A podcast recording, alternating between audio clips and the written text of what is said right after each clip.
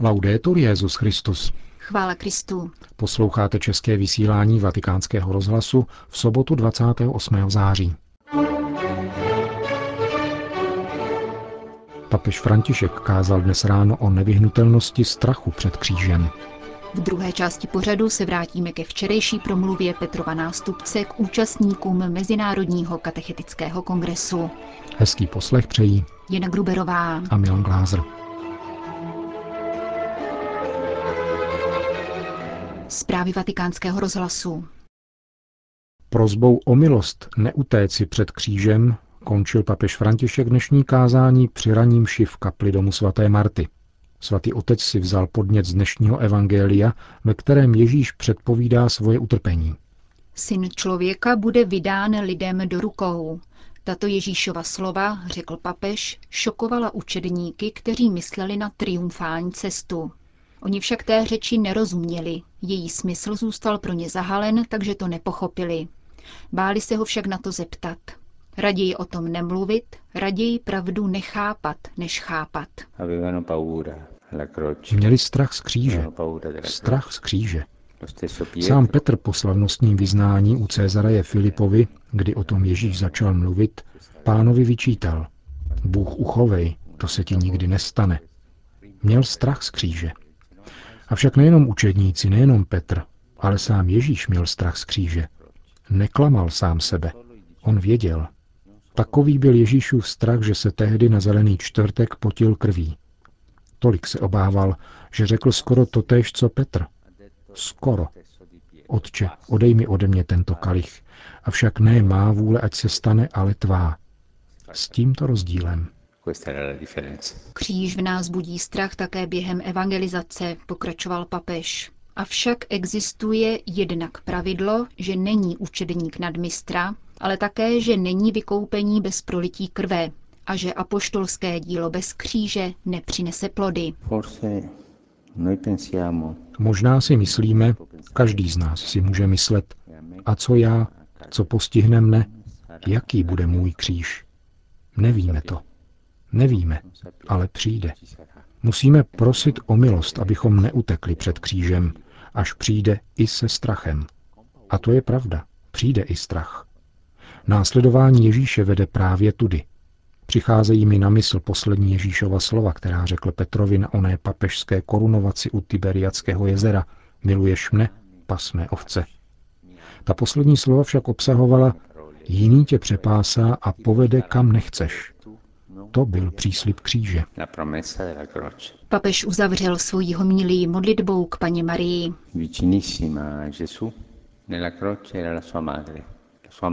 U kříže byla nejblíže jeho matka, jeho maminka. Možná, že dnes, v den, kdy se k ní modlíme, bude dobré poprosit ji o milost, aby neodňala bázeň, která musí přijít, bázeň kříže, níbrž aby dala milost neutéci ze strachu před křížem. Ona pod křížem stála a ví, jak blízko se má stát pod křížem. Končil dnes svoji ranní homílii papež František. Katecheze je pilířem vzdělávání ve víře a potřebujeme pro ní dobré katechety, řekl svatý otec v pátečním podvečeru půl druhému tisíci katechetů, kteří se v rámci roku víry sjeli do vatikánské auly Pavla VI. Je nutné katechety být, nejenom jako katecheté pracovat, pokračoval svatý otec. Essere catechista significa dare testimonianza della fede. Být katechetou znamená svědčit o víře, důsledněji žít. Samozřejmě to není snadné, avšak setkání s Ježíšem napomáháme svými slovy a životem. Přivádíme k němu svým svědectvím. Rád bych připomněl to, co svatý František říkal svým bratřím. Hlásejte evangelium stále, ale slova používejte jen, když je to nutné. Jako první svědectví, ať lidé vidí evangelium v našem životě. Kéž ho v něm mohou číst. Být katechety vyžaduje lásku, stále silnější lásku ke Kristu a jeho svatému lidu. A tato láska se nedá koupit v obchodě, ani tady v Římě. Tato láska pochází od Krista. Je to jeho dar. A pokud pochází od Krista, vychází z něj a také my Máme znovu výjít z Krista, z této lásky, kterou nám dává. Co tedy pro katechetu znamená opětovně být z Krista? Tázal se papež František a nastínil svou odpověď v trojici bodů. Ripartire da Cristo significa Vycházet z Krista za prvé znamená být s Kristem v důvěrném spojení. Ježíš to učedníkům naléhavě radí při poslední večeři, když se připravuje na prožitek nejvyššího daru lásky, tedy oběti na kříži. Využívá k tomu obrazu vinného kmene a ratolestí a říká, zůstaňte v mé lásce, zůstaňte se mnou spojeni, jako je spojena ratolest s kmenem. Pokud jsme s Ježíšem spojeni, můžeme přinášet ovoce. To je důvěrný vztah ke Kristu. Zůstávat v Kristu, přilnout k němu, být v jeho nitru, být spolu s ním, mluvit s ním a stále s ním zůstávat. První věc pro učedníka je být s pánem, naslouchat mu a učit se od něj. To je stále platná cesta, která trvá celý život. Vzpomínám si, že ve své předchozí diecézi jsem častokrát viděl katechety, kteří ukončili kurzy v katechetickém semináři a vycházeli se slovy. Teď mám titul katechety. Ten ale není k ničemu. Nic nemáš. Ušel si jen malou cestičku. To, co ti bude pomáhat, trvá věčně. A není to titul, nýbrž postoj. Bytí s Bohem přetrvá celý život. Prodlévat v pánově přítomnosti a dovolit, aby nám nehleděl. Zeptám se vás, jak se trváváte v pánově přítomnosti? Když jdete k pánu, díváte se na svatostánek, jak se chováte? Zůstáváte beze slov? Ne, od čem mluvím, myslím, medituji, naslouchám. To je velmi dobré, ale dovolíš pánu, aby na tebe hleděl? Dovolit pánu, aby na nás hleděl. Dívá se na nás a to je způsob modlitby. Jak se to ale dělá, zeptáte se. Zkrátka se díváš na svatostánek a dovolíš, aby se pán díval na tebe. Je to prosté. Namítnete, ale také trochu nudné, asi u toho usnu. Klidně usni, jen usni. On na tebe i tak pohlédne. Bude se na tebe stále dívat. Tvá jistota je v tom, že on na tebe hledí. A to je mnohem důležitější než titul katechety. Je to součást bytí katechetou. Rozehřívá to srdce a udržuje to plamen v ohni přátelství s pánem. Lze vnímat, že se pán na nás opravdu dívá. Je nám na blízku a má nás rád. Chápu, že to pro vás není tak jednoduché, zejména pro ty, kdo žijí v rodině a mají děti. Je těžké najít na delší dobu klid. Díky Bohu však není nezbytné, abychom všichni dělali to též. V církvi existuje různost povolání a duchovních forem. Důležité je najít vhodný způsob bytí s pánem, a to je možné v každém životním stavu. Nyní se každý může zeptat sám sebe, jak prožívám toto bytí s pánem. Jsou chvíle, kdy zůstávám v jeho přítomnosti a v tichosti se vystavuji jeho zraku. Povoluji jeho ohni, aby zahřál mé srdce. Není-li v našem srdci žár Boha, jeho lásky, jeho něhy, jak můžeme my, ubozí hříšníci, rozehřát srdce druhých? Uvažujte nad tím. Secondo elemento è questo. Secondo. Druhý prvek je tento. Ripartire di Cristo, da Cristo Znovu začít od Krista znamená napodobit jej v tom, jak vychází ze sebe sama a jde vstříc druhým.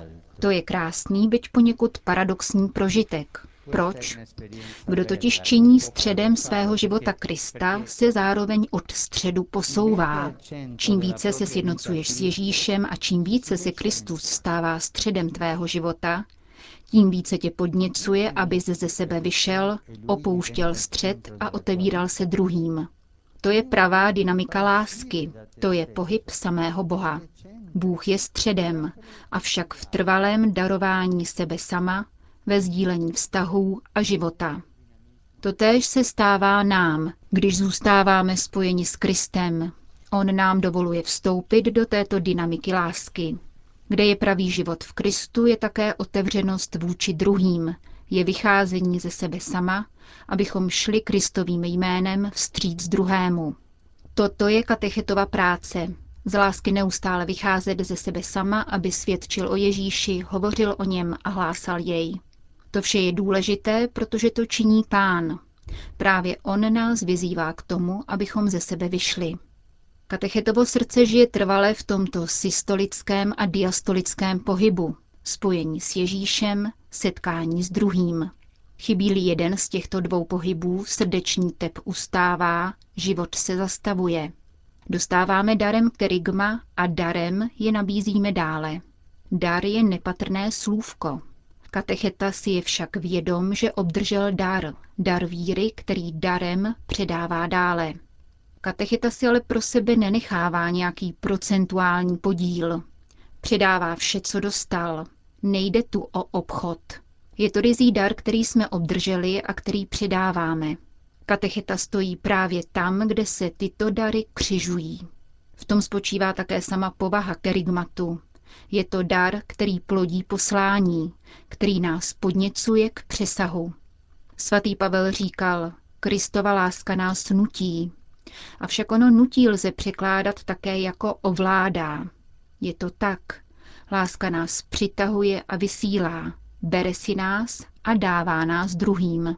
V tomto napětí se pohybuje křesťanovo a zejména katechetovo srdce. Ptejme se, zda naše srdce takto tluče, zda je zde přítomen tento pohyb systol a diastol, sjednocení s Ježíšem a setkání s druhým. Živí se naše srdce vztahem k pánu, aby jej mohlo přinášet dál a nikoli si jej zadržovat pro sebe.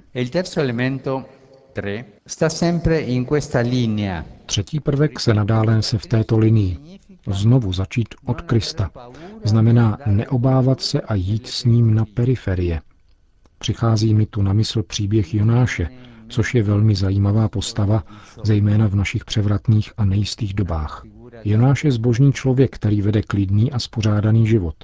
To jej přivádí k tomu, že má svá jasně daná schémata, podle kterých nesmlouvavě všechno a všechny posuzuje. Má ve všem jasno. Pravda je dána. Je rigidní. Když jej tedy pán volá, aby šel kázat do Ninive, velkého pohanského města, Jonáš se na to necítí. Proč by tam měl chodit, když má svou pravdu? Ninive stojí mimo jeho schémata. Je to periferie jeho světa. A tak utíká. Vydává se do Španělska, prchá pryč, nastupuje na loď a odjíždí. Přeštěte si znovu knihu proroka Jonáše.